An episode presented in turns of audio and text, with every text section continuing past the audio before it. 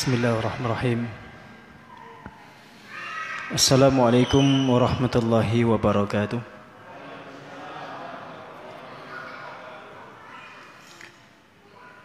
إن الحمد لله نحمده ونستعينه ونستغفره ونعوذ بالله من شرور أنفسنا ومن سيئات أعمالنا. من يده الله فلا مضل له ومن يضلل فلا هادي له. أشهد أن لا إله إلا الله وحده لا شريك له. وأشهد أن محمدا عبده ورسوله لا نبي ولا رسول بعده. أما بعد فقد قال تعالى في كتابه الكريم وهو أصدق القائلين أفلا يتدبرون القرآن ولو كان من عند غير الله لوجدوا فيه اختلافا كثيرا وقال عليه الصلاة والسلام خيركم من تعلم القرآن وعلمه معاشر المسلمين رحمكم الله Mari kita awali kajian kita dengan membaca lafaz basmalah bersama-sama. Bismillah. Kita sampai di ayat 103 surah An-Nisa.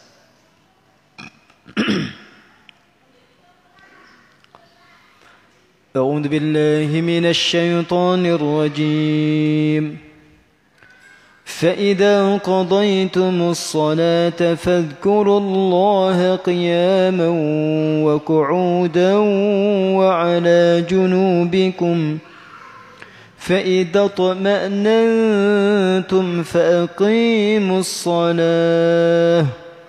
إن الصلاة كانت على المؤمنين كتابا موقوتا. ولا تهنوا في ابتغاء القوم.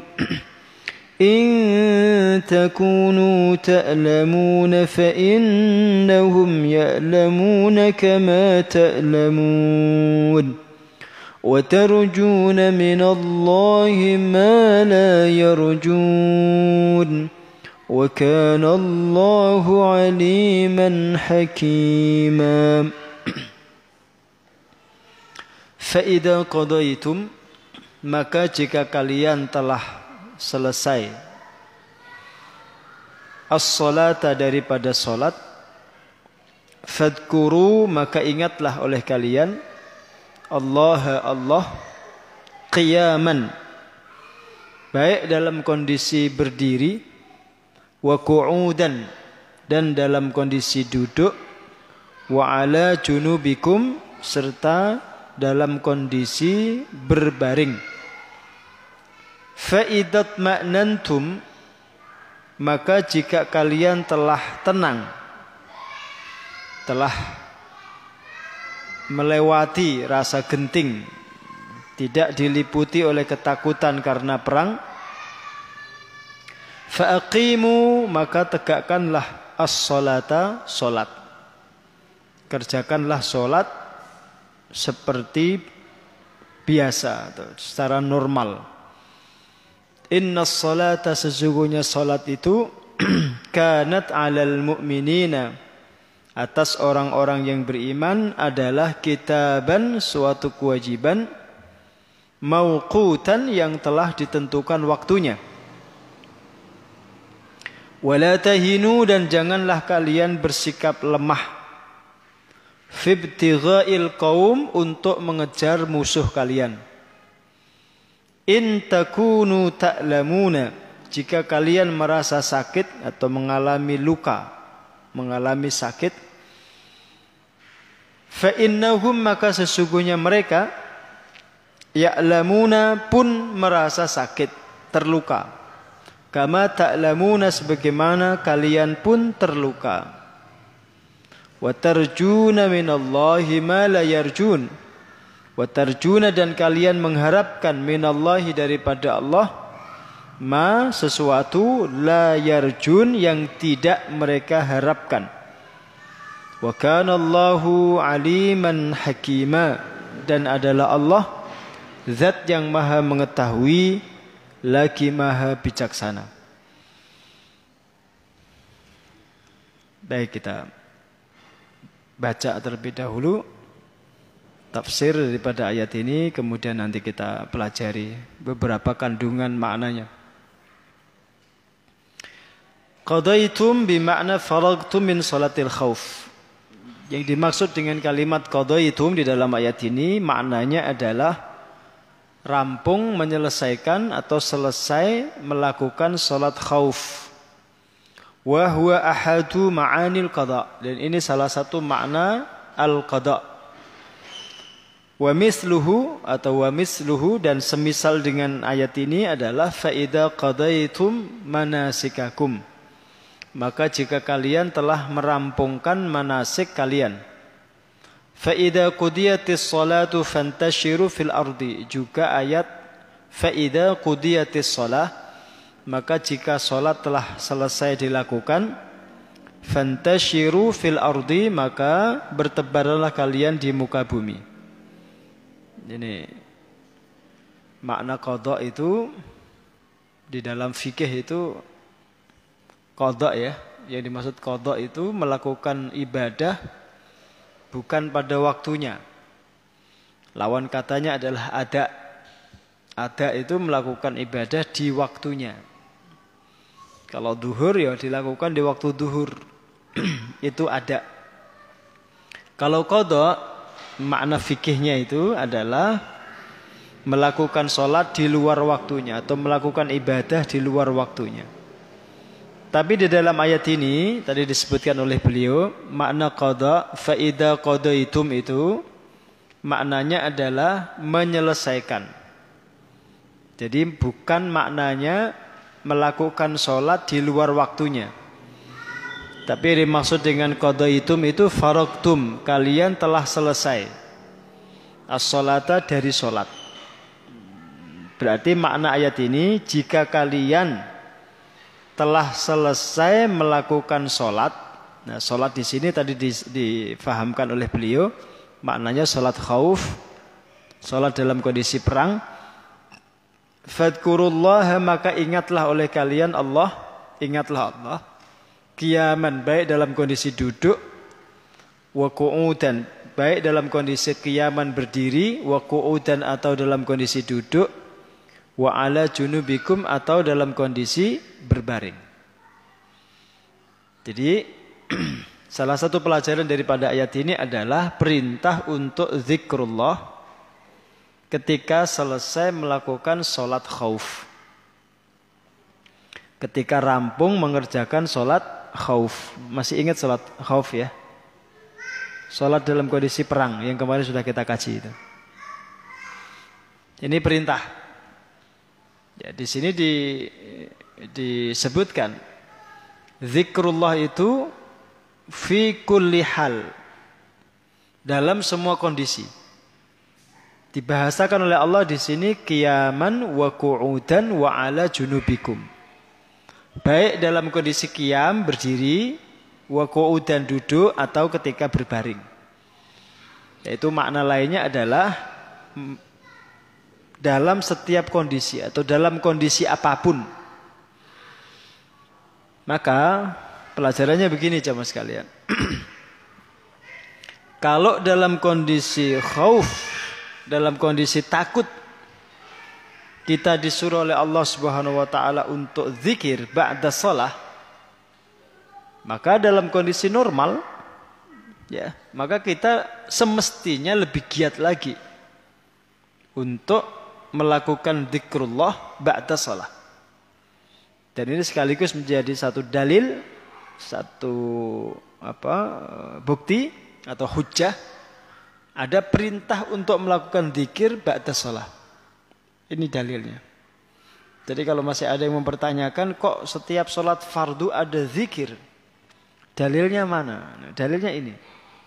فإذا قضيتم الصلاة فاذكروا الله قياما وقعودا وعلى جنوبكم ya jadi kita diperintahkan untuk berzikir setiap ba'da salat caranya bagaimana caranya baik dalam kondisi kita berdiri duduk maupun berbaring ya berarti tidak harus duduk dalam kondisi sholat itu harus duduk dulu tuh enggak.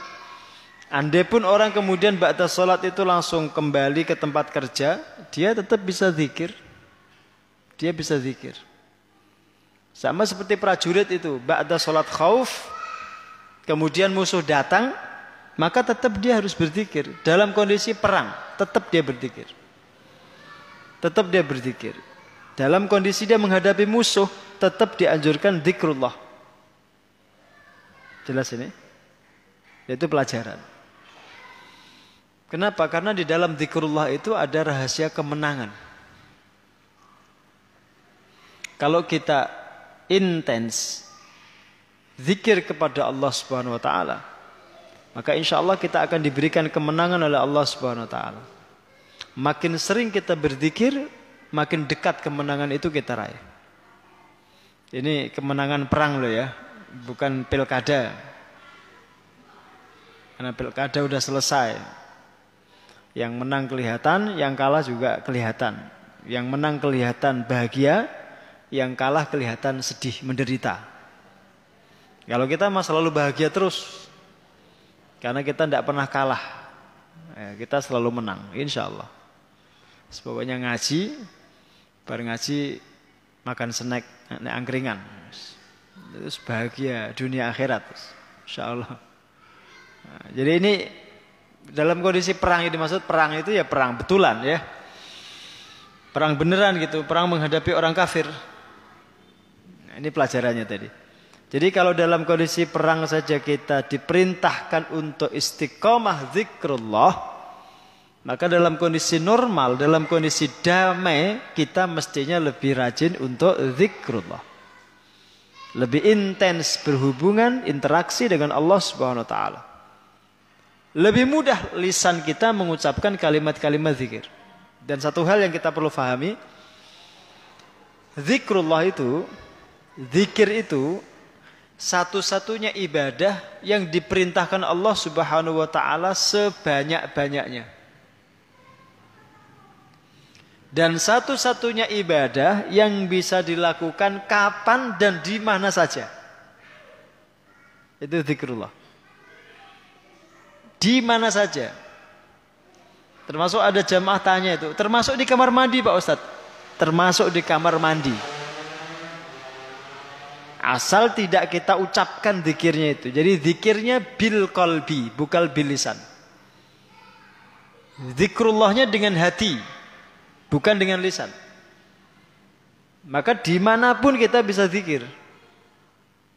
Andai pun kemudian ada orang bisu tidak bisa bicara. Dia tetap berpotensi mendapatkan pahala yang besar dari zikrullah itu. Yaitu dengan hatinya. Dengan hati. Ini satu-satunya ibadah. Oleh karena itulah kemudian diperintahkan sebanyak-banyaknya. Fadkurullaha kathira. Diperintahkan. Seperti tadi ayat tadi. Fa'idha qudiyatis salatu itu di surat Al-Jumu'ah. Kalau kita baca lengkap itu ya ayyuhalladzina amanu idza nudiya lis-salati mi yaumil jumu'ati ya mi yaumil jumu'ati fas'au ila dzikrillah wa darul bai dan seterusnya. Nanti ada perintah untuk zikrullah di situ. Dan zikrullah yang dimaksud di situ salat Jumat. Salat Jumat. Karena inti daripada khutbah Jumat termasuk sholat Jumat itu ya ingat kepada Allah Subhanahu wa taala. Nah, ini satu hal yang terkait dengan zikrullah. yang kedua dari pelajaran ini, fa idza qadaitumus salata fadkurullaha qiyaman wa qu'udan wa ala junubikum. Saya bacakan. Qauluhu fadkurullaha qiyaman wa qu'udan wa ala junubikum Ae fi jami'il ahwal. Maksudnya di setiap kondisi. Hatta fi halil kital. Sekalipun dalam kondisi perang. Tadi saya sebutkan. Jadi zikrullah itu tidak terbatas dalam kondisi normal. Sekalipun perang, bahkan ketika sedang perang, disuruh memperbanyak zikrullah. Maka pasukan Islam itu ketika perang ya lisannya itu komat kamit menyebut asma Allah. Bahkan ketika dia mati syahid ya kalimat terakhir yang diucapkan ya kalimat zikir. Kalimat zikir. Bahkan dalam kondisi dia sedang meregang nyawa ya Allah yang disebut Allah. Ini satu hal yang kita pelajari. Ya, maka kalau kita simak di dalam pelajaran sejarah, ya jangankan dalam kondisi perang. Para sahabat Nabi itu ketika dagang saja itu, itu pasar itu sampai terdengar bunyi seperti suara lebah. Saking asyiknya mereka pada berzikir. Kalau pedagangnya berzikir, pembelinya berzikir itu kira-kira ada tipu menipu enggak itu? Ya enggak ada. Makanya tijarahnya itu lantabur. Perniagaannya itu enggak pernah merugi. Tijarahnya itu mubarokah diberkahi Allah. Dari situ kemudian kita mendapatkan satu rahasia. Kenapa para sahabat itu menjadi pelaku-pelaku pasar. Bahkan penguasa-penguasa pasar di Medina memegang kendali ekonomi, menguasai pasar. Jadi para bos. Itu karena mereka mengisi berbagai aktivitas bisnis itu dengan zikrullah selain berdagang itu. Ini rahasia. Tapi saya ceritakan ke jenengan. Ya ini kan rahasia sebenarnya. Enggak semua orang saya ceritakan ini. Ini cuma saya sampaikan ke jenengan itu. Berzikir. Nah, kita tiru ya, kita tiru. Jadi kalau orang rajin ngaji tapi kemudian nggak rajin dikir itu tandanya belum pernah diajari. Ada satu hadis yang sahih. Kelak di hari kiamat itu ada seseorang yang menyesali satu momentum di dunia yang dia bisa gunakan momentum itu untuk mengucapkan satu kalimat tasbih. Jadi satu kesempatan bertasbih yang tidak jenengan gunakan itu nanti jenengan akan sesali di akhirat. Satu saja. Maksudnya apa berarti? Selama hidup itu kita itu kalau tidak zik, zikrullah, kalau nggak berzikir, ya tafakur. Jangan sampai terlewat waktu kecuali kita melakukan salah satu dari kedua kegiatan itu. Kalau enggak zikir ya tafakur. Maka kata Imam Ghazali, orang yang beriman itu kalau berbicara, bicaranya zikir, kalau diam, diamnya tafakur. Jadi kalau bicara, isinya zikir. Kalau diam, diamnya tafakur. Tafakur itu merenungkan ciptaan Allah. Itu orang beriman. Menurut Imam Ghazali di dalam kitab Ihya itu. Jelas Bapak Ibu ya. Jadi kata beliau jadi fi jami'il ahwal hatta fi halil kital.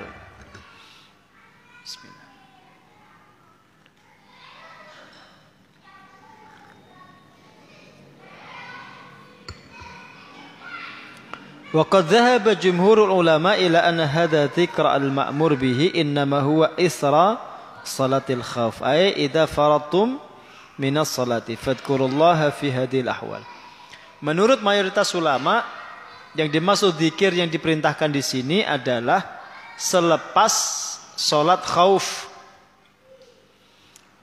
Maksudnya, jika kalian telah selesai melakukan sholat khauf, maka ingatlah Allah di dalam setiap kondisi-kondisi yang tadi disebutkan. Berdiri, duduk, berbaring. Jadi meskipun dalam kondisi sedang perang, dalam kondisi genting, dalam kondisi takut diserang musuh, tidak boleh kalian itu lengah daripada Allah. Tidak boleh melupakan Allah. Ini juga pelajaran. Jangan fokus dengan musuh.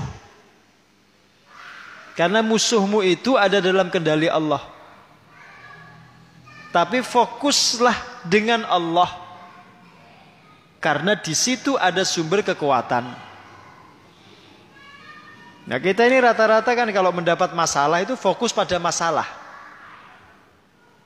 Lupa kalau masalah itu ada yang menciptakan dan ada yang membuat solusi. Siapa dia? Allah. Maka mestinya ketika kita menghadapi masalah itu fokus itu sama yang buat keadaan yang menciptakan takdir, yang menciptakan kejadian, yaitu Allah Subhanahu wa taala. Jangan fokus dengan masalah itu, nanti mumet sirah jenengan. Pusing. Maka kita mestinya fokus sama Allah. Selalu bersama Allah. Dengan jalan apa? Ya zikir tadi itu, berzikir. Cuma ini di logika orang-orang modern kan nggak masuk. Wah ada masalah kok tidak boleh fokus dengan masalah. Padahal masalah itu sebagian besarnya ini saya ceritakan ke jenengan. Sebagian besarnya itu selesai tanpa solusi. Selesai begitu saja. Masalah yang jenengan hadapi itu banyak yang selesai tanpa jenengan dapat solusi. Ini pokoknya selesai gitu aja. Ujuk-ujuk rampung. Nah. Saya, saya tanya jenengan, Indonesia merdeka itu karena apa? Apakah karena perjuangan para pahlawan? Karena perang? Karena diplomasi? Enggak. Karena Jepang dibom oleh Amerika. Itu hadiah dari Allah. Ya bukan berarti ikhtiar itu tidak penting, tapi jangan fokus dengan ikhtiar itu. Jangan fokus dengan ikhtiar itu. Fokus aja sama Allah. Ini COVID ini. Jadi kan fokus dengan COVID. Stres dengan. Stres. Coba. Udah mau reda. Terus sekarang datang lagi. ya kan? Gelombang kedua. Gelombang ketiga. Gelombang keempat. Jadi kan fokus. Dengan virusnya itu. Ya stres dengan Pak. Fokus aja dengan Allah. Fokus dengan Allah. Saya sering mengatakan. Ikhtiar itu semampunya. Tawakal itu sepenuhnya. Jangan dibalik. Dibalik aja jangan pusing. Jadi kan kan terbalik itu. Ikhtiar sepenuhnya, tawakal semampunya. Agar stres. Fokus sama Allah. Itu makna zikrullah. Jangan fokus dengan masalah. Kalau jangan fokus dengan masalah, jangan ruwet, hidupnya ruwet itu. Seolah-olah hanya Anda yang memiliki masalah. Padahal masalah itu dihadapi semua orang. Tapi ada sebagian orang itu bahkan yang sampai pada level menganggap itu bukan masalah. Sementara ada sebagian orang yang sedikit-sedikit masalah. Yang sebenarnya bukan masalah, dia anggap masalah. Itu karena isi kepalanya cuma masail. Isi kepalanya itu masalah tok. Ya. Ya coba. Sebelum hujan waktu kemarau, kemarau itu katanya masalah. Musim hujan ketika turun hujan, hujan ya masalah. Padahal masalahnya itu di otak dia itu. Kepalanya itu penuh masalah. Makanya panas masalah, hujan ya masalah. Manusia ya begitu, itu masalah manusia yang isi kepalanya itu masalah. Makanya ada orang yang sukses itu tanpa kendala itu karena tidak melihat berbagai problem itu dianggap nggak problem itu bukan masalah. Ya, bukan kita menyepelekan ya, tapi tidak usah fokus dengan masalah. Sama kalau kita perang, jangan fokus dengan orang kafir. Pokoknya ikhtiar semaksimal mungkin, mempersiapkan diri sebaik mungkin, sudah. Fadkurullahi qiyaman wa qu'udan wa ala junubikum. Fokus saja dengan Allah. Ingat saja Allah. Kalau anda perang betul-betul visabilillah, ya mosok nggak dibantu oleh Allah. Kok kebangetan men? Ya. Kalau jenengan betul-betul berjuang lillahi ta'ala, masa tidak dibantu? Maka saya ketika mulai bangun pesantren itu juga, saya sampaikan ke teman-teman. Jangan fokus pada pembangunannya, tapi fokus pada tirakatan minta sama Allah. Karena kita ini orang-orang yang nekat, tidak punya duit tapi bangun pondok. Tidak punya duit tapi ingin mendirikan yayasan. Ini kan nekat, Pak. Bonek. Gak ada duit tapi ngetik yayasan. Yang gitu. Tapi jangan fokus dengan itu. Kalau betul-betul perjuangan kita itu lillahi ta'ala, wa fisabilillahi ta'ala, pasti Allah akan membantu. Bahkan tidak cuma membantu, pasti Allah akan membuat amal kita itu bernafas panjang. Makanya amal-amal yang bernafas panjang, yang lama begitu, yang berumur panjang, itu bukti kalau dulu para perintisnya itu ikhlas. Betul-betul ikhlas lillahi ta'ala. Maka berumur panjang itu. Seperti yang sering saya ceritakan lah. Gontor, Tebu Ireng, NU, Muhammadiyah. Itu kan amal-amal yang nafasnya panjang. Saya yakin para perintisnya, para muasisnya itu orang-orang yang ikhlas. Orang-orang yang ikhlas. Nah pengajian ini juga begitu. Pengajian itu kalau umurnya panjang itu ustadznya ikhlas, Jamaahnya ikhlas. Kadang-kadang saya nyediakan snack gak ikhlas. Ikhlas insya Allah. Pokoknya kalau semuanya ikhlas itu insya Allah umurnya panjang. Insya Allah.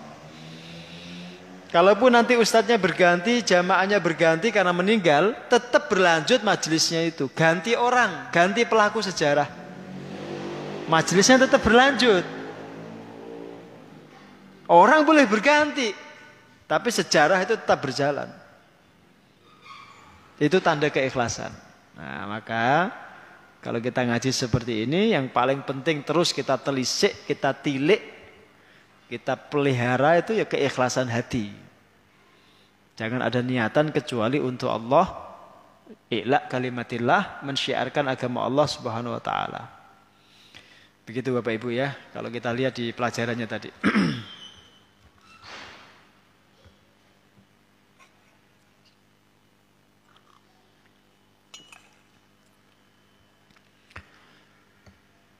Wakila makna qawlihi fa'idha qadaitumus salah. Dan dikatakan ada satu pendapat makna firman Allah Ta'ala fa'idha qadaitumus salah. Idza salaitum fasallu qiyaman wa qu'udan wa ala junubikum hasba ma yaktadihi hal inda mulahamatil qital. Ada juga yang memahami bahwa makna faidah qadaitumus salah itu adalah jika kalian melakukan salat maka Solatlah kalian dalam kondisi berdiri, duduk atau berbaring. Sesuai dengan kondisi yang kalian hadapi ketika terjadi perang. Tapi ini pendapat kedua ini kurang kuat. Ya, karena kalimatnya jelas fadkurullah qiyaman wa itu. Berarti antara solat dengan dikir itu kan dua hal yang berbeda. Maka makna yang pertama tadi lebih tepat. Kalau kalian selesai merampungkan solat khauf, maka ingatlah Allah Baik dalam kondisi duduk, berdiri dan berbaring. Itu makna yang lebih tepat. Ya, salat difahami dengan salat khauf. Sementara zikir difahami zikrullah, mengingat Allah itu. Mitsluhu qauluh ta'ala fa in khiftum farijalan aw rukbana kata beliau yang seperti ini serupa dengan firman Allah fa in khiftum maka jika kalian dalam kondisi takut farijalan maka sholatlah kalian dengan berlari berjalan au rukbanan atau menaiki kendaraan ini kata beliau jadi serupa dengan ayat itu Qauluhu fa'idat ma'nantum ay amintum wa sakanat qulubukum wa tuma'ninatu sukunu nafsi minal khauf. Kan ayat berikutnya terus bunyinya fa'idat ma'nantum fa'aqimus shalah. Jika kalian dalam kondisi damai, sudah aman dari peperangan, maka tegakkan sholat itu secara normal. Tidak boleh lagi melakukan sholat dengan dengan cara sholat khauf yang kemarin kita contohkan. Dua rakaat, kemudian pasukan dibagi dua kelompok, tidak boleh. Itu hanya dalam kondisi genting. Dalam kondisi khawatir diserang musuh. Tapi dalam kondisi normal, sholatnya normal. Dalam kondisi normal, sholatnya normal. Tidak boleh sholat dilakukan dengan cara khauf. Itu kata beliau. Yang dimaksud tumak ninah di sini kata beliau sukunun nafsi minal khauf. Ketenangan jiwa dari ketakutan. Maksudnya tidak dihantui serangan musuh itu. Itu tumak ninah. Bukan tumak ninah dalam dalam persoalan sholat ya, bukan. Tapi tumak ninah di sini adalah ketika kondisi jiwa kalian sudah tenang, tidak ada ancaman dari serangan musuh. Maka sholatnya dalam kondisi normal, dengan cara yang normal. Tidak boleh dengan cara sholat khauf yang kemarin. Inna sholata, sesungguhnya sholat itu, kata Allah, kanat alal mu'minina kitaban mawkuta. ay mahdudan muayyanan yuqal waqatahu fahuwa mawqutun wa waqatahu fahuwa muwaqqatun yang dimaksud dengan mauqutan itu ditentukan waktunya dari kata waqata yuwaqqitu tauqid itu maknanya ditentukan waktunya dari potongan ayat ini ada dua pelajaran sedikitnya ada dua pelajaran yang pertama hukum sholat itu kitaban satu kewajiban yang telah ditulis Allah satu kewajiban yang telah ditetapkan. Mana ditulis ditetapkan. Yang dimaksud berarti di sini adalah sholat lima waktu. Bukan sholat-sholat sunnah. Sholat lima waktu itu ketetapan Allah yang sudah ditulis. Untuk siapa? Alal mu'minin. Nah berarti ini. Ini kalimatnya itu. Alal mu'min atas orang yang beriman. Maka orang kafir itu tidak sah ketika sholat. Dan tidak mungkin orang kafir itu mampu mengerjakan sholat. Sholat itu hanya bisa dilakukan orang yang beriman. Bahkan nanti level keimanan juga menentukan kualitas sholat masing-masing. Makin tinggi level imannya, makin bagus kualitas sholatnya. Tapi makin rendah level keimannya, keimanannya makin rendah kualitas sholatnya. Nanti itu tergantung level iman. Termasuk ketepatan kita sholat, kedisiplinan kita menunggu sholat, suasana hati kita yang riang gembira ketika ada panggilan sholat, itu semua kembali kepada level iman. Kembali kepada suasana keimanan kita itu. Maka dikatakan alal mukminin atas orang beriman. Itu menunjukkan kalau ibadah apa pun itu terwujud itu karena adanya iman. Kalau nggak ada iman, ibadah itu tidak mungkin terwujud. Tidak mungkin. Terutama yang sering saya ceritakan itu sholat subuh itu itu tantangan berat bagi orang yang lemah imannya. Termasuk isya ini. Jadi katakan Rasulullah itu sholat paling berat bagi orang munafik gitu kan. Ya, kalau isya mungkin masih ada lah orang munafik yang ke masjid, tapi subuh itu enggak. Itu saringannya ketat sekali. Itu eliminasinya itu luar biasa. Disaring betul, diayai di waktu subuh itu.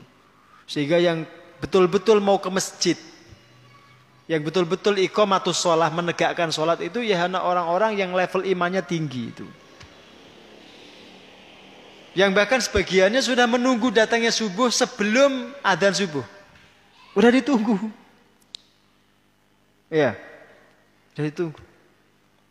Tidak ada satupun ya, saya enggak tidak ada satupun orang munafik yang diizinkan Allah ikut majelis subuh itu. Tidak ada. Maka dengan rasakan ketika subuh itu suasananya syahdu, hening, asik, udaranya bersih. Itu karena orang munafik belum ada di tengah-tengah kita. Masih terlelap ngorok di tempat tidurnya itu masih. Kalau mereka sudah bangun nanti udara ini terkontaminasi sudah. Polusi. Kehadirannya itu mencemarkan lingkungan. Orang munafik. Yo ketoke wong Islam, ketoke, Pak. Kelihatannya itu. Tapi kemunafikannya itu membuat tercemar lingkungan. Udara jadi tidak bersih. Nah, kalau subuh jalan ke masjid itu cara untuk mengetahui satu sama lain. Ada ikatan iman kita dengan saudara kita. Oh saat subuh. Nah, kalau mau nyari mantu bu, nah, cari yang rajin sholat subuh. Ya, tapi kalau yang sholat subuh semua sudah menikah bagaimana? Berarti anak jenengan jadi yang kedua. Tidak apa-apa itu. Daripada yang belum nikah tapi tidak pernah subuhan. Mendingannya sudah nikah. Rajin sholat subuh. Maka jangan antipati dengan jangan jangan a priori dengan poligami. Setuju, setuju lah mas? Karena mas-masnya mesti setuju. Ibu-ibunya saya setuju. Marah-marah. Itu majelis. Saya sering katakan, majelis yang tidak mungkin dihadiri orang munafik itu majelis subuh. Tidak mungkin saya katakan. Mustahil. Tidur masih terlelap di tempat tidur. Bangun jam berapa? Setengah tujuh. Wes waktu duha itu loh. Sholat subuhnya dijamak dengan duha. Sekaligus jadi satu itu. Ya dijamak. Sholat subuhnya dengan sholat duha di jamak dalam satu waktu. Itu masih mending kalau dia sholat. Bagian besarnya malah orang munafik itu tidak sholat. Sholat itu kalau kelihatan orang Islam, tapi kalau enggak ya enggak. Maka jangan heran kalau di negeri kita ini ya meskipun mayoritas umat Islam, jangan heran lah kalau korupsi mari masih merebak, gitu? pungli masih bertebaran di mana-mana. Ya, orang yang mestinya berseragam itu melindungi masyarakat justru malah membuat susah. Itu jangan heran ya karena banyak topeng. Ya. Banyak topeng itu. Jadi orang Islam yang bertopeng, bukan pakai masker ya, pakai topeng. Topengnya Islam, tapi aslinya enggak. Ini bahaya. Paham, Pak? Nah. Jadi alal mukminin itu maksudnya kewajiban itu tidak mungkin bisa dijalankan kecuali atas orang yang beriman. Maka jenengan nggak perlu, lo kok yang diwajibkan sholat hanya orang beriman, nggak usah jenengan mempertanyakan itu. Justru itu keistimewaan jenengan. Itu maziyah, khasisah, itu keistimewaan jenengan. Coba kalau ada karyawan, mbak, dapat penugasan dari kantor, penugasan itu karena keahlian dia, karena kelebihan dia. Kalau karyawan yang nggak punya kelebihan itu tidak pernah dapat tugas. Ngapain dapat tugas? Pekerjaan dia di kantor aja tidak pernah rampung. Nah, kalau ada karyawan, ada pegawai kita itu sering kita kasih tugas. Apalagi tugas-tugas yang berat yang tidak mungkin dikerjakan oleh sembarang orang, itu istimewa berarti. Paham maksud saya enggak? Jadi kalau jenengan mendapatkan kewajiban dari Allah itu tandanya jenengan itu istimewa gitu. Tidak perlu ngiri dengan orang kafir yang tidak sholat. Paham? Tidak perlu ngiri dengan orang-orang yang tidak sholat. Justru ketika jenengan memahami dengan konsep ini, jenengan akan merasa Masya Allah. Saya bersyukur dipercaya oleh Allah untuk mengerjakan sholat. Sehingga sholat itu tidak jadi beban. Tapi jadi kebanggaan. Keistimewaan. Paham ya? Ini pelajaran pertama. Yang kedua. Kata maukutan itu. Sholat itu adalah suatu kewajiban yang telah ditetapkan atas orang beriman maukutan yang telah ditentukan waktunya. Maka Allah Subhanahu wa taala mengutus secara khusus malaikat Jibril untuk mengajarkan kepada Rasulullah dua hal. Yang pertama mengajarkan cara sholat, kaifiat sholat. Yang kedua mengajarkan waktu-waktu sholat. Jibril sampai berdiam di bumi bersama Rasulullah dengan para sahabat itu dua hari. Mengajarkan tata cara sholat dari takbir sampai salam, bahkan dari wudhu, dari toharah. Yang kedua mengajarkan waktu-waktu sholat. Maka di hari yang pertama Jibril itu melakukan sholat bersama Rasulullah itu di awal waktu. Jadi kalau duhur itu ketika matahari itu tergelincir. Kalau asar ketika matahari bayangan benda itu sama dengan tinggi benda. Kalau maghrib ketika terbenam matahari. Kalau isya ketika mega merah, mendung merah di langit itu hilang. Kalau subuh, ya ketika fajar sodik itu tiba. Fajar yang benar itu tiba. Nah, di hari yang kedua, Jibril melakukan sholat itu di akhir waktunya. Persis di akhir waktunya. Nah ketika duhur ya tadi ketika waktu asar sudah masuk. Asar itu ketika menjelang waktu maghrib. Ya sudah mau terbenam matahari itu. Jibril melakukan sholat. Dan itu diikuti Rasulullah. Kemudian setelah rampung semua, Jibril alaihissalam mengatakan, Ya Muhammad, as-salatu baina hatain. Wahai Muhammad, Sholat itu di antara dua waktu ini. Di waktu yang kemarin dan hari ini. Itu menunjukkan kalau sholat itu ditentukan waktunya itu sudah digariskan. Dan itu sekaligus pelajaran kalau sholat itu disebut oleh oleh para ulama dengan istilah wajib muasa. Kewajiban yang longgar waktunya. Dikatakan longgar itu maksudnya ada awalnya, ada tengahnya, ada akhirnya. Maka jangan fatalis juga memahami ayat seperti ini. Sholat pada waktunya, yang penting itu sholat pada waktunya. Selama Anda mengerjakan sholat itu di pada waktunya, maka Anda mendapatkan pahala. Baik di awal, di tengah maupun di akhir. Yang penting masih di dalam waktunya. Jangan seperti yang kemarin saya ceritakan itu. Orang memahami hadis Nabi ketika Nabi ditanya, Ya Rasulullah, ayul amali afdal. Wahai Rasulullah, amal apa yang paling afdal? Beliau mengatakan, as-salatu ala waktiha. Salat pada waktunya. Coba perhatikan. Yang dikatakan Rasul itu salat pada waktunya, bukan salat di awal waktunya. Ya, jenengan garis bawah itu. Bukan saya ingin, ingin mengajarkan ke jenengan kemudian untuk menunda sholat bukan.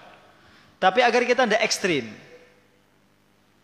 Ada orang yang sangat ekstrim tuh gini. Dia melakukan sholat persis ketika adzan. Jadi ketika dia dengar adzan Allahu Akbar, Allahu Akbar, dia langsung takbiratul ihram. Allahu Akbar. Langsung sholat fardu. Langsung sholat fardu, Pak. Adzan masjid, dia langsung takbiratul ihram untuk sholat fardu. Sehingga tidak ke masjid jamaah, tidak. Karena terlalu semangat.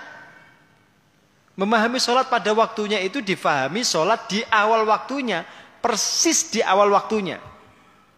Itu terlalu semangat itu. Terlalu semangat Kang sampean Kang. Kayaknya nanti kebablasan malah. Ini mamanya surga, dia kelewatan malah. Ya, ini umpamanya nih di sini nih surga lah umpamanya, tempatnya di sini umpamanya. Dia ini melaku terus terus, eh, terlalu semangat kan, bablas, kelewat malah. Itu orang beragama itu jangan modal semangat tok. Orang beragama itu pakai ilmu. Kalau jenengan melakukan sholat dengan cara begitu, saya katakan itu bid'ah justru. Bid'ah. Lu kok bisa? Iya. Coba lihat contoh Rasulullah. Apa Rasul mengerjakan sholat dengan cara begitu? Ada tuh langsung beliau takbiratul ihram. Tidak itu. Disuruh menunggu sampai sholat sampai adan itu selesai. Terus jadinya disuruh mengulangkan setiap lafadz muadzin itu gitu. Habis adzan, jadinya suruh berdoa dulu. Allahumma rabbah hadi da'wati tamah. Gitu. Kalau belum wudhu, disuruh wudhu dulu. Terus pakai pakaian yang bagus. Enggak usah tergesa-gesa. Kemudian sholat sunnah dua rakaat di, di rumah. Kalau mau bahkan empat rakaat ya duhur, qobliyah. Nah rampung, kemudian jadikan berjalan ke masjid. Jalan aja dari rumah ke masjid itu butuh waktu kok. Sampai di masjid, kadang belum komat. Masih nunggu kan? Imamnya belum datang. Kan nunggu saja itu sudah dianggap sholat. Karena tadi sudah ya di rumah. Nah kalau jenengan sampai masjid kok waktunya masih cukup untuk tahiyatul masjid, tahiyatul masjid. Habis tahiyatul masjid masih duduk menunggu. Komat baru jenengan sholat. Ada jeda itu. Dan itu yang dimaksud dengan sholat pada waktunya itu. Bukan persis di awal waktunya. Tet masuk waktu langsung takbiratul ihram. Wong kentir gue. Lu tenan Pak, ini ada aliran begitu. Saya menceritakan ini karena ada jamaah yang bertanya seperti itu. Karena tetangganya tidak pernah ke masjid. Ketika dia tahu, dia tanya, lu kok cara sholat sampean seperti itu? Nah, dia bilang, ya begitu yang diajarkan guru saya. Guru sampean siapa? Dijero, namanya disebutkan Pak. Orangnya mana? Wong Solo jadi. Ngono ku ya ana Pak Solo Klaten aneh-aneh wae. Kayak enggak ada kiai, kayak enggak ada ulama. Karena ulamanya itu tidak pernah ngaji di, dibuka. Ngaji ini rata-rata ya gelucu-lucunan tok ya. Angger lucu itu pokoknya kayak jamaah oke. Ya, cok ngaji oh, tarik sis, semongko. Ku ngaji jadi Pak. Ya ngono-ngono tok ya. Ya bener lah ngaji ku seneng ya itu tapi ora ono ilmune. Akhirnya masyarakat mungkin terjebak aliran-aliran sesat seperti itu. Ya. Itu aliran sesat itu jangan dikira. Itu aliran sesat. Loh, sholat kok aliran sesat? Iya, karena nggak mengikuti contoh Nabi. Lah kan udah jelas Nabi mengatakan sallu kama raaitumuni usalli. Salatlah kalian sebagaimana kalian melihat aku sholat. Cara Nabi melakukan sholat fardu ya begitu. Duh, kalau cara yang seperti ini dibenarkan, nggak usah ada masjid. Ya, cukup menoro gue dan tak ya pak rasanya masjid. Menoro gue dan terus sholat di omah dewi pas adan persis gitu. Nanti berarti juga nggak ada qobliyah kan? Nah, coba aneh ya. Maka memahami sholat pada waktunya itu, selama Anda melakukan sholat itu di waktunya itu, baik di awal, di tengah maupun di akhir, selama masih di dalam waktunya, itu Anda disebut sholat pada waktunya. Maka Allah Subhanahu wa taala ketika menyebut fawailul lil musallin itu lanjutannya alladzina hum an salatihim sahun. Itu kalau jenengan lihat tafsirnya, orang yang mengerjakan sholat di luar waktunya. Itu dikatakan sahun, lale. Yang mengerjakan sholat di luar waktunya. Bukan di dalam waktunya. Nah, cuma kalau ditanya, mana yang afdol Pak Ustadz? Di awal waktunya atau di tengah atau di akhir? Ya tetap di awal. Tapi di awalnya jangan difahami seperti orang itu tadi.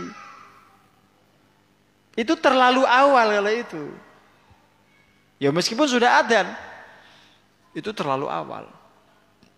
Kalau sekali waktu karena jenengan mau bepergian lah. Silakan lah, boleh seperti itu. Tapi kalau itu jadi kebiasaan bahkan jadi keyakinan itu bid'ah. Jelas tuh.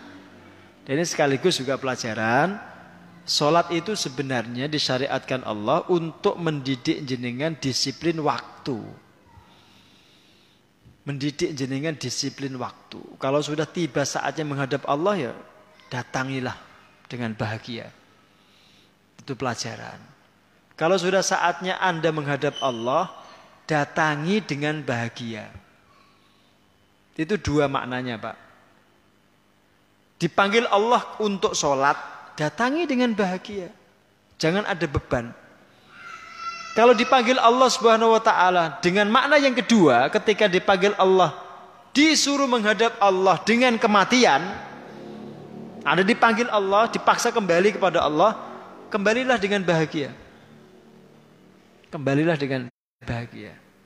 Ya makanya kita melakukan kegiatan ini semuanya untuk persiapan mati. Jangan ada satupun aktivitas kehidupan kita yang tidak terkait dengan kematian. Jangan. Nanti rugi jadi.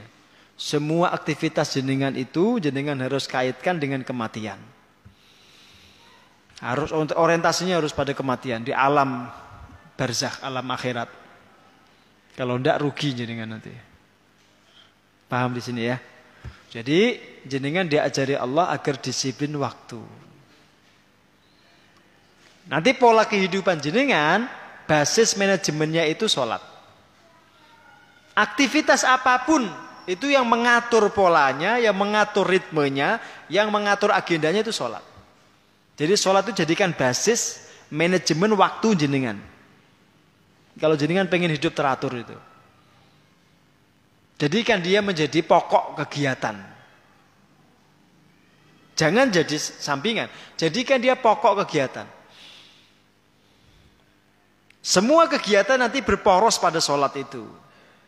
Semua.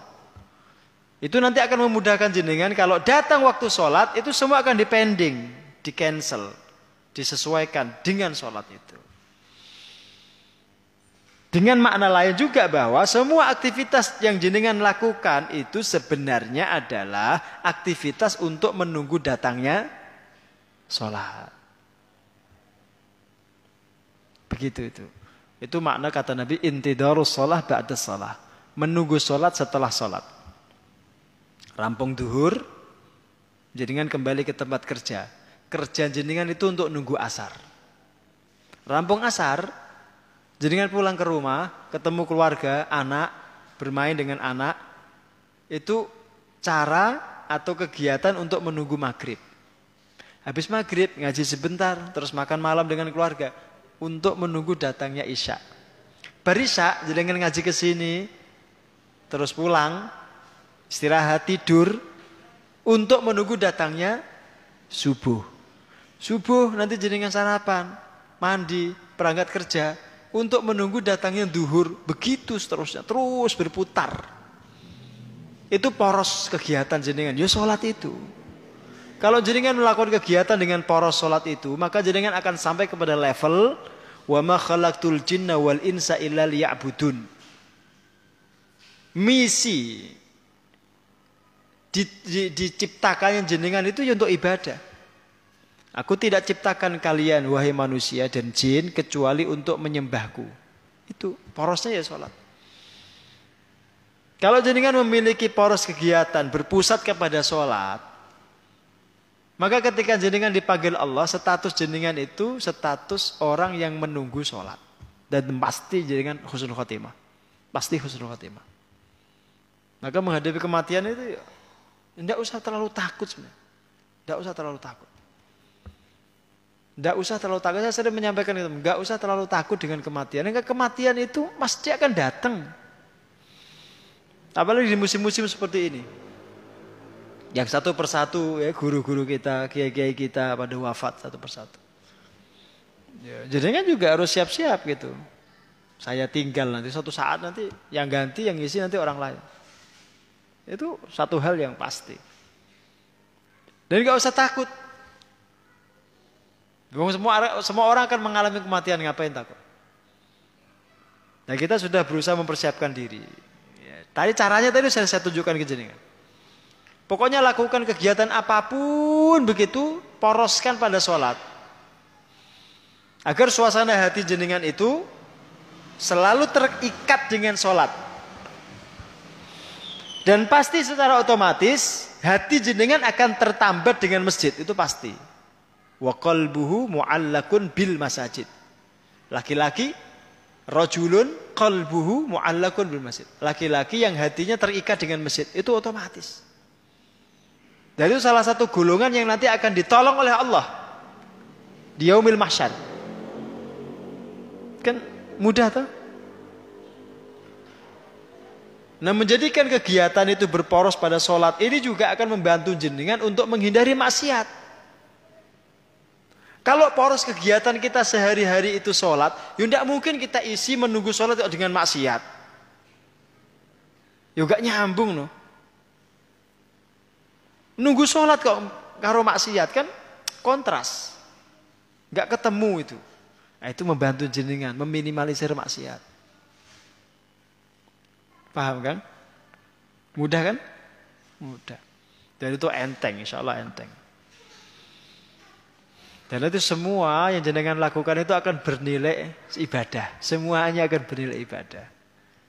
Dengan cara seperti itu jenengan akan mendapatkan pundi-pundi pahala dari semua kegiatan yang jenengan lakukan. Karena semua berporos pada sholat.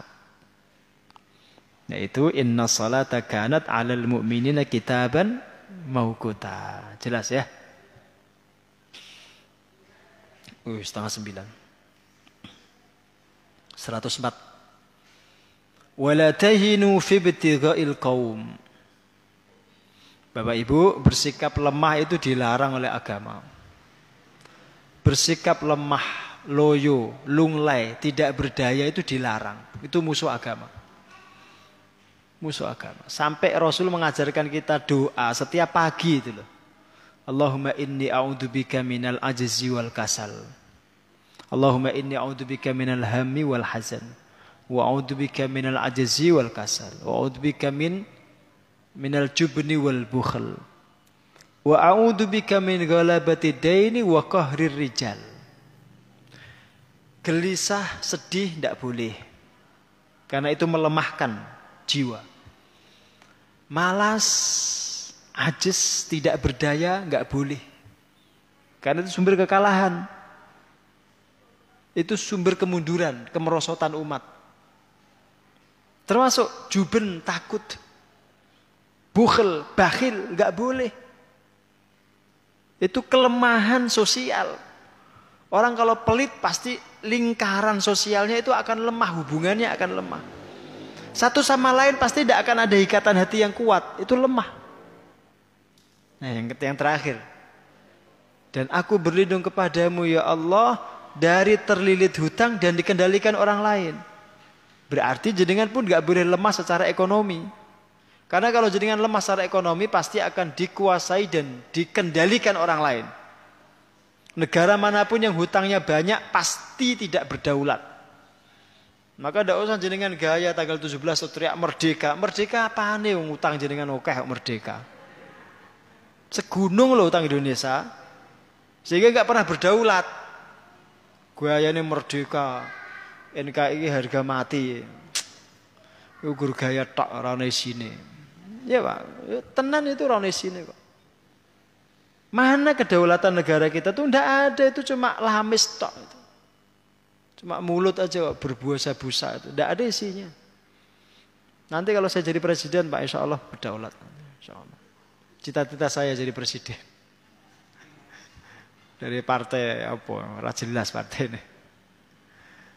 Tidak ada kedaulatan kalau jenengan itu punya hutang banyak. Cobalah. Coba jenengan kalau punya hutang sama orang, orang itu salah. Kira-kira jenengan berani tegur nggak? Gak mungkin. Utangmu kan bayar kan? Coba aja. Jenengan punya hutang banyak, yakin rapat di RT, di RW tidak akan banyak usul jenengan, utangnya oke, akan usul. Tidak mungkin. Itu lemah-lemah seperti itu dilarang oleh agama. Maka meskipun jenengan terus miskin, yang penting nggak punya hutang. Itu orang paling bahagia itu nggak punya hutang. Jelas bu? Nah, jadi kelemahan, ketidakberdayaan itu musuh agama. Di sini dilarang oleh Allah. Wala tahinu. Jangan kalian bersikap lemah. Fibtighail kaum dalam mengejar musuh. Kalau dulu konteksnya itu ketika perang. Ketika perang itu kita tidak boleh lemah mengejar musuh, tidak boleh takut. Ini kan ceritanya begini. Ketika perang Uhud itu para sahabat kalah. Banyak yang terluka, bahkan terpotong lengannya, ya, terpotong telinganya, ada yang kena wajahnya, yang kepalanya juga berdarah-darah, kakinya juga tersabat pedang dan tombak. Dalam kondisi seperti itu, itu Allah tetap memerintahkan para sahabat itu mengejar musuh, mengejar orang Quraisy. Sampai di satu tempat yang namanya Hamraul Asad. Itu jarak sekian sekian mil dari Uhud. Disuruh oleh Allah, tidak boleh menyerah, tidak boleh mundur, tidak boleh lari ke Madinah. Disuruh ngejar musuh. Zaman dulu. Maka para sahabat itu dengan dipimpin Rasulullah itu mengejar mereka sampai di Hamraul Asad. Terus Rasul membuat strategi yang luar biasa cerdasnya itu. Beliau membuat api unggun yang sangat besar. Sehingga apinya itu membumbung tinggi, asapnya itu mengepul besar sekali. Sehingga orang kafir yang melihat dari kejauhan itu menduga kalau Rasulullah membawa pasukan dari Madinah yang sangat banyak. Sehingga orang-orang Quraisy itu kemudian lari tunggang langgang kembali ke Mekah ketakutan. Ini zaman dulu di konteks ayat ini. Tapi juga kita bisa pahami secara sekarang. Secara kontekstual. Pokoknya ngadepi orang kafir itu tidak boleh lemah. Lemah ilmu dilarang. Lemah ekonomi dilarang. Lemah lobby diplomasi itu dilarang. Saya kalau ya mau bicara agak vulgar itu cuma saya takut ada yang tersinggung itu. Tapi tidak apa-apa saya bicarakan ini.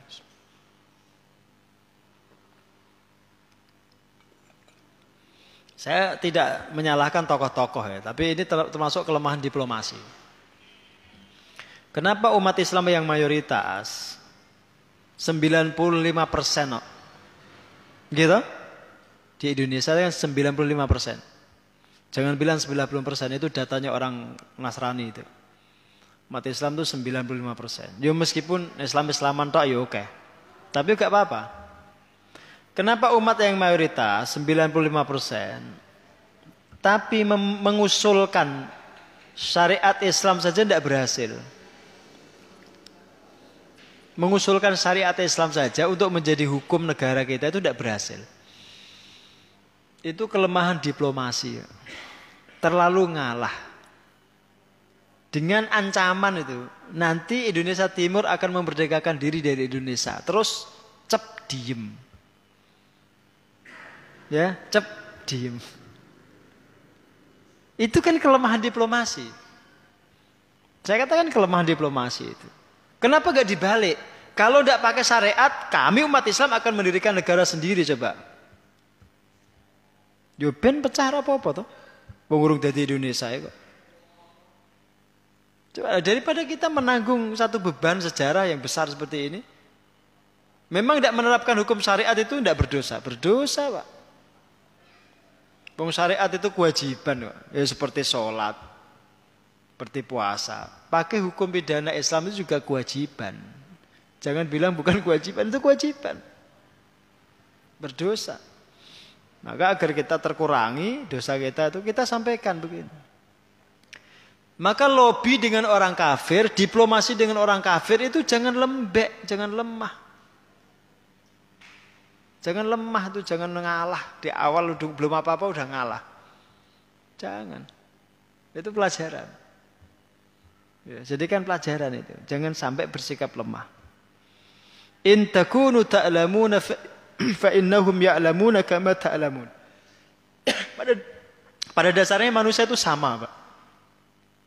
Kalau kalian terluka, kalian sakit atau kalian ketakutan, mereka pun begitu kok. Orang kafir itu aslinya juga takut. Aslinya kalau perang terluka ya sakit, sama seperti kalian. Cuma bedanya kata Allah, wa tarjuna minallahi ma la yarjun. Sama-sama sakit, tapi sakitnya kalian itu berpahala, sakitnya mereka itu maksiat berdosa. Kalau kalian mati, kalian masuk surga, mendapatkan ampunan Allah yang luar biasa. Kalau mereka mati, pasti masuk neraka. Itu yang mesti menjadi modal kalian untuk berani menghadapi mereka. Maka dengan didikan ayat ini, dulu para sahabat itu nggak nggak ada takutnya. Menghadapi orang kafir itu tidak ada takutnya. Dulu. Sekarang orang Islam karena keyakinan dia tentang apa yang dijanjikan Allah itu lemah. Maka keberaniannya melemah. Gak terlalu yakin dengan surga. Maka semangatnya untuk mati syahid itu hampir tidak ada. Apalagi ditakut-takuti itu. Tidak usah bahas jihad, tidak usah bahas ini. Akhirnya umat Islam, anak-anak muda ini tidak kenal syariat jihad. Nah itu mudah sekali nanti kalau musuh datang itu sudah. Jadi kan menyerah. Sejak awal menyerah. Karena spirit jihadnya sudah hilang. Ini jadi problem. Anak-anak muda sekarang, apalagi yang kena virus K-pop itu udah. Atau kena virus prank. Tiap hari kerjanya hanya ngeprank aja itu. Kalau enggak gitu terkena virus game online. Ya tiap hari ngegame tok itu, pikirannya gur game tok, gak ono nilai perjuangan sama sekali. Seolah-olah hidup itu cuma game. Nah gitu. Yang anak-anak, oh anak-anak kena penyakit PS, play. Ya kan? Mudah itu. Itu generasi-generasi yang ya Allah tuh. Diajak berjuang nggak mungkin. Karena orang yang siap berjuang itu terlatih menderita. Gimana anak kita tidak pernah menderita kok? Tidak pernah hidup susah kok. Gimana punya semangat perjuangan? Tidak mungkin. Makanya anak itu ditugasi. Le, nyapu, le, ngepel, le, nyuci pakaian, le. Abi tugasi. Buat anak itu sibuk. Bahwa anak jadi jangan biarkan santai ya alay. Nanti jadi alay. Tahu alay enggak? alay nggak bisa diajak berjuang makanya dibiasakan anak-anak itu dididik yang keras dididik kerja keras dilatih jangan dibiarkan hidup dengan serba kecukupan nanti susah kalau kondisi sedang susah itu anak-anak seperti itu paling menderita paling tidak kuat itu Paham ya? Jadi dulu anak-anak para sahabat tuh umur belasan itu sudah izin minta ikut perang. Belasan tahun belum balik itu, itu sudah izin minta izin perang. Zaman dulu. Dan ternyata ketika ikut perang itu mampu membunuh musuh. Coba kalau orang tidak punya jiwa prajurit ya, itu lihat darah muncrat itu aja kan dia sudah pucat itu. Jadi mas-mas di sini yang belum berani nyembelih kambing, Ora usah ngomong jihad. Menyembelih kambing ora wani kok ngomong jihad. Ora usah kambing lah, ayam lah ayam. Ngono tuh jamaah saya ustaz itu enggak berani nyembelih ayam. Ora mentolo jarene. Lho nyembelih ayam ora nyembelih wong kafir piye? Iya kan? Padahal dulu semua sahabat Nabi itu prajurit, semuanya prajurit sahabat Nabi itu.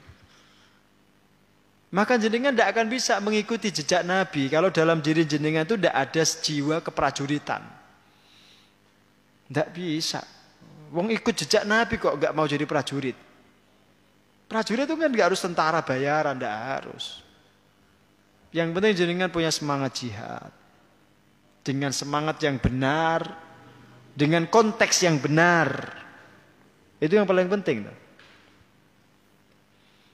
Buktinya apa? Kalau Islam itu dihina, dilecehkan, itu jenengan tampil membela, itu bukti semangat jihadnya itu menyala. Jangan sampai agamanya dilecehkan, dihina, disudut-sudutkan, diam saja tidak membela.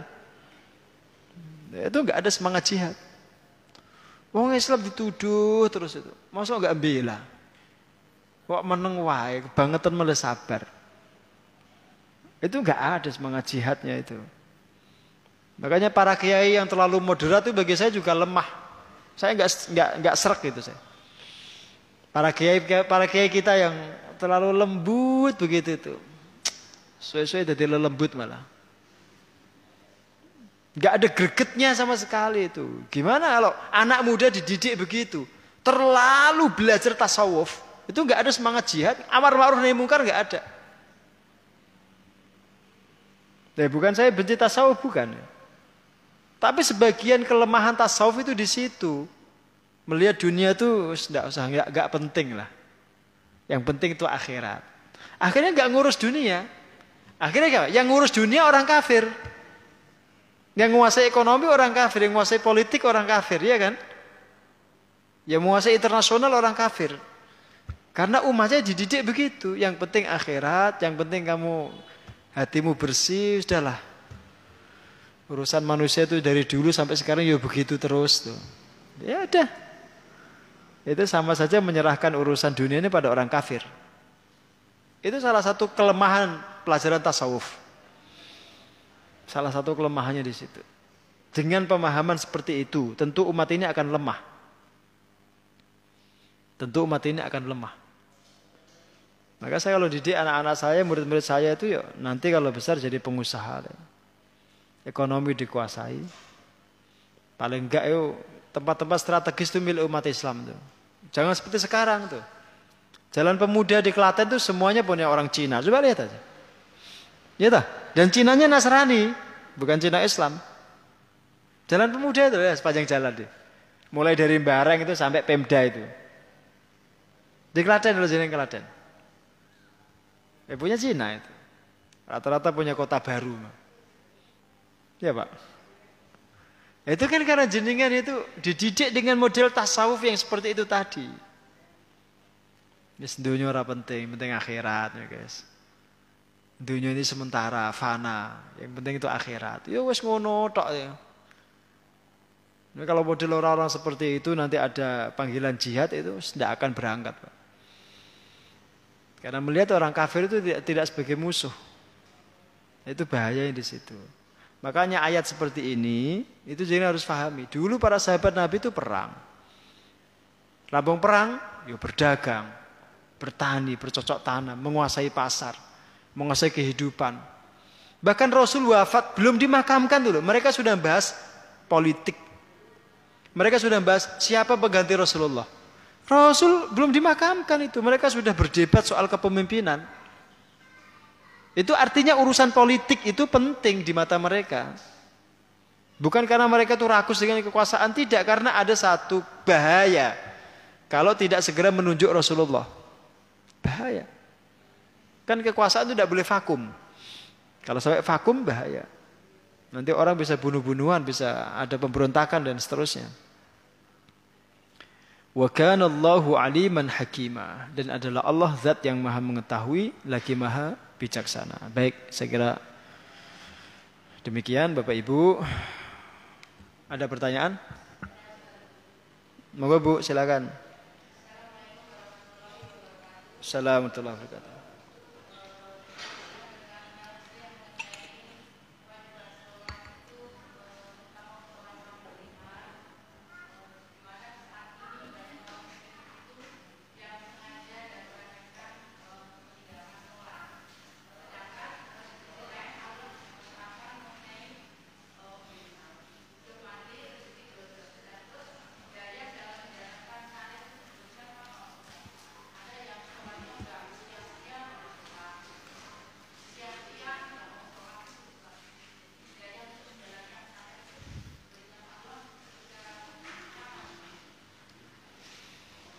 Hidayah itu kan ada dua macam tuh, Bu. Ada hidayatul irsyad, hidayah pemahaman, ada hidayatul taufik, hidayah taufik, hidayah kesempatan dan kemampuan. Banyak orang yang mengetahui satu amalan, tahu fadilahnya, tahu keutamaannya, tahu ilmunya, tapi tidak diberikan Allah taufik tidak diberikan kesempatan, tidak diberikan kekuatan. Tidak diberikan kemauan. Sehingga tidak terlaksana ibadah itu. Atau sebaliknya. Ada orang semangatnya luar biasa, kemauannya kuat sekali, tapi tidak ada ilmunya. Maka ketika kita baca ihdina siratal mustaqim, itu hendaknya kita menghadirkan dua-duanya. Ya Allah berikan kami hidayah. Yuh hidayah ilmu, yuh hidayah amal. Yo hidayah irsyad, bimbingan, yo hidayah taufik, kesempatan. Ya seperti itu. Makanya jangan heran kalau ada orang kok ada orang sholat jamaah kok nggak tertarik. Ada orang ngaji kok nggak tertarik. Ada orang sedekah kok nggak tertarik. Itu bukan karena dia nggak tahu ilmu, tahu. Kalau ngaji itu penting, kalau sholat jamaah itu berpahala besar, tahu. Tapi belum diberi taufik belum diberi taufik oleh Allah. Tidak Allah berikan kemauan dan kesempatan. Sehingga dia tidak beramal. Dan itu problem yang sering terjadi di masyarakat kita. Ya kan? Siapa yang tidak tahu itu pentingnya ngaji? Semua orang tahu. Tapi kenapa tidak banyak orang ngaji? Karena belum diberi taufik. Belum dibuka hatinya sehingga muncul kemauan. Kalaupun kadang ada kemauan, kesempatannya nggak diberi oleh Allah, maka nggak terwujud amalnya. Maka ketika jenengan ngaji seperti ini, jenengan itu harus melakukan syukur. Paling tidak dalam tiga aspek. Yang pertama dalam ilmu yang diberikan Allah.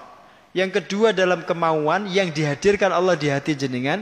Yang ketiga karena kesempatan yang diberikan Allah sehingga jenengan bisa ngaji. Tiga hal ini jenengan syukuri. Berarti ngaji itu nikmat.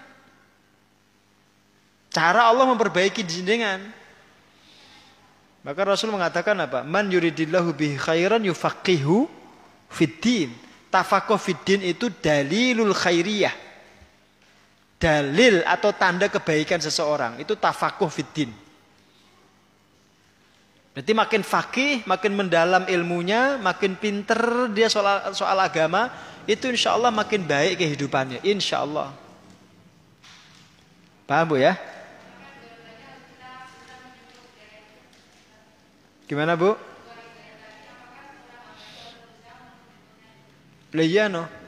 Dua-duanya harus. Dua-duanya jenengan harus berusaha. Berusaha mendapatkannya dan juga mempertahankan. Maka kalau ada kebaikan itu jangan sampai tertinggal. Biasakan terlibat dalam amal-amal kebaikan. Jangan lihat kebaikan tapi kita berpangku tangan, jangan. Ya. Ada orang jamaah ikut jamaah meskipun tadi sudah sholat. Itu daunnya Nabi. Kalau sampean sudah sholat di rumah, datang ke masjid kok ada orang jamaah, jenengan ikut jamaah lagi. Atau dari perjalanan, jenengan mampir masjid kok ada sholat jamaah, ikut jamaah lagi. Boleh, justru dianjurkan oleh Nabi. Ada jenengan sudah selesai sholat, ada orang masuk masjid sendirian, tengok-tengok nggak ada temannya, sedekah jenengan suruh jamaah lagi sama orang itu sedekah sholat jamaah. Kebaikan.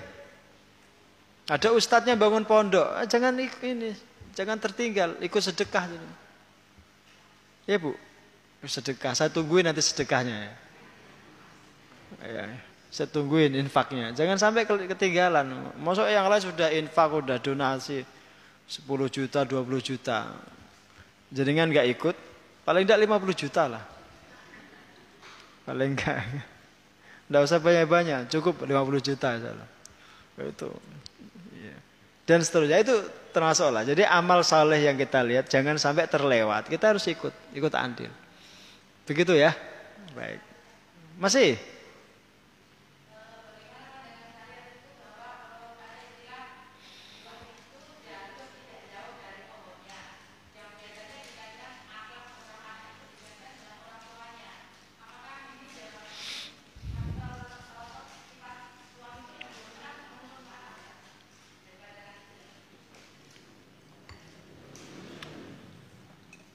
Iya, cuma kan ada buah yang diambil orang, nggak jatuh. Ada buah kan yang nggak jatuh diambil. Itu maksudnya gini loh. Ada sebagian anak jenengan itu yang ya tidak ikut jenengan karena dia dididik orang lain.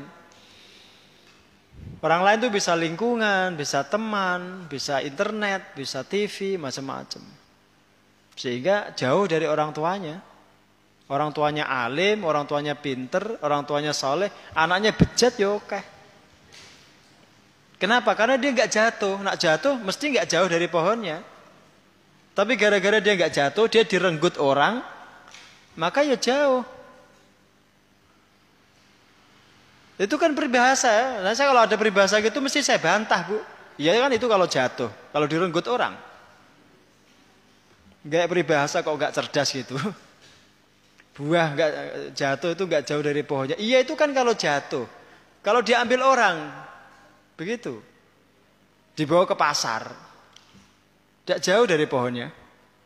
Itu maksudnya kan bisa jadi anak jenengan itu. Jenengan yang didik, jenengan apa jenengan yang melahirkan, jenengan yang besarkan. Tapi yang didik orang lain. Orang lain itu bisa teman-temannya, bisa gurunya yang nggak ngerti agama di sekolah, ya kan? Bisa televisi, bisa internet, bisa lingkungannya. Akhirnya akhlaknya jauh dari jenengan, kebiasaannya jauh dari jenengan, ibadahnya jauh dari jenengan. Coba, gimana itu peribahasa itu? Gak berlaku kan akhirnya? Paham?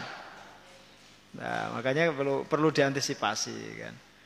Jadi kadang-kadang ada sebagian kebaikan itu yang jenengan harus paksakan anak Bangun subuh itu jadi kan harus paksa bu. Kalau enggak nanti sampai tua enggak akan bangun itu. Paksa. Saya katakan paksa. Meskipun dia harus keras. Jadi kan paksa. Bu ngantuk-ngantuk bawa ke masjid. Enggak apa-apa itu. Enggak ada ceritanya anak ngantuk terus mati itu enggak ada. Gendong ke masjid. Biasakan sejak umur 7 tahun, 8 tahun gendong ke masjid. Biasakan. Meskipun sampai masjid dia tidur lagi, enggak apa-apa. Daripada tidur di rumah. Paham? Ya, ngaji begini ajak. Biasakan ke masjid, ajak ngaji. Kebaikan itu awalnya dipaksa. Lama-lama menjadi faham, oh ternyata dalam paksaan orang tua saya itu ada kebaikan. Termasuk sebagian anak kita itu paksa mondok. Paksa nyantri. Kalau enggak bubar dia. Ya dipaksa memang dipaksa bu. Insya Allah nanti dia akan bersyukur berterima kasih kepada kita itu. Makanya anak-anak itu ndak usah dikasih pilihan, le mau sekolah negeri atau nyantri mondok. Ya mesti milih negeri no, Bu. Anak-anak itu mesti milih. Anak itu jangan dikasih pilihan. Belum dewasa kok dikasih pilihan. Ya kalau udah dewasa dengan ajak bincang, kasih pilihan boleh. Le, milih yang ini apa yang ini? Boleh, dia sudah SMA kelas 2, kelas 3 namanya. Tapi kalau masih SMP apalagi masih SD, nggak usah dikasih pilihan tuh. Dalam Pak. Ah kalau itu boleh. Itu pun sebenarnya kurang tepat. Orang tuanya yang milihkan. Karena anak itu kan nggak tahu mengkalkulasi, menganalisa kan nggak tahu. Orang tuanya aja milihkan. Leh kamu duduk di sana, udah. Anak itu jangan dikasih pilihan ya. Anak-anak dikasih pilihan. Termasuk kalau makan. Coba aja anak jenengan tahu deh. Mau makan apa le? Gue rasa rumah ribut. Yang satu pengen ini, yang satu pengen ini. Akhirnya malah orang tuanya ngamuk. Oh saya rasa itu mangan. Gara-gara kasih pilihan sudah. Pilihkan aja itu. Monggo. Oke. Waalaikumsalam warahmatullahi wabarakatuh.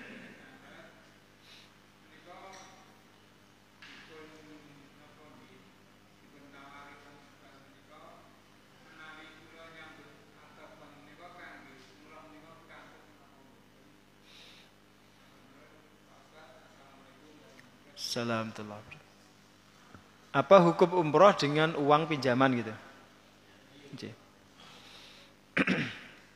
Kalau biasanya gini, ada ada kan sebelum sebelum ngutang itu ya, itu kita harus kalkulasi. Pertama, kita tidak punya aset tidak yang bisa kita jual. Umpamanya, kita pengen sekali berangkat haji. Dan haji itu kewajiban, umpama ya, ini aja. Kan tidak harus langsung uh, opsinya itu utang. Kalau kita punya aset, mendingan aset itu yang kita jual. Lebih baik jual aset daripada ngutang. Ya, umpamanya lah. Kita punya kendaraan tuh. Ya ada mobil atau ada motor. Umpamanya ya. Oh banyak di rumah ada 15 semuanya umpama. Bakul. Atau mungkin ada sepetak dua petak tanah dijual sebagiannya. Itu jauh lebih baik daripada kita langsung utang. Kenapa? Saat kita jual aset betul-betul lillah untuk ibadah satu yang jadi harus yakin itu aset itu akan diganti Allah. Aset itu akan diganti Allah Subhanahu wa taala Orang-orang tua kita itu sudah membuktikan mereka berangkat haji itu jual aset. Setahun dua tahun kembali itu asetnya itu. Diganti oleh Allah. Yang kedua ketika jenengan ibadah itu tidak kepikiran. Kalau jenengan utang mesti kepikiran. Gak nyaman itu. Tawaf tapi mikir gue lakunya utang piye yo. Ya akhirnya setiap dapat tempat mustajab Doanya itu fokus pada ya Allah mudah-mudahan saya bisa segera melunasi hutang saya. Padahal mestinya di tempat-tempat mustajab itu dia membawa doa-doa yang besar-besar, yang bagus-bagus. Semua terpusat pada biaya caranya melunasi hutang. Akhirnya kan tidak terlalu bagus itu. Tapi kalau memang terpaksa tidak ada aset yang bisa dijual dan ada yang nawari hutang tidak berbunga, jenengan punya kemampuan untuk melunasi, silahkan. Tapi saya katakan jangan jadikan itu sebagai opsi pertama, pilihan pertama, jangan. Tapi jadikan itu opsi terakhir, pilihan terakhir. Dengan syarat tadi ya, hutangnya tidak berbunga, kemudian kemampuan jenengan ada untuk melunasi. Insya Allah saya bisa melunasi dalam jangka waktu setahun atau dua tahun. Tidak apa-apa, berangkat. Bismillah. Insya Allah tidak jadi masalah. Ya. Hutang rokok, hutang ini orang pada biasa kok. Masa utang haji, utang umroh tidak boleh. Ya kan ada orang ya, Mas, aku ngutang sih ya, ngerokok ya, utang. Utang rokok ya do gelem, masa utang umroh gak gelem. Nah itu kalau terpaksanya, ya silahkan, tidak apa-apa. Tidak apa-apa itu artinya boleh. Insya Allah umrohnya tetap sah. Insya Allah. Begitu Pak? Cih. Baik, cukup ya. Mari kita tutup dengan baca hamdalah dan kafaratul majlis bersama-sama. Alhamdulillahirrahmanirrahim. Assalamualaikum warahmatullahi wabarakatuh.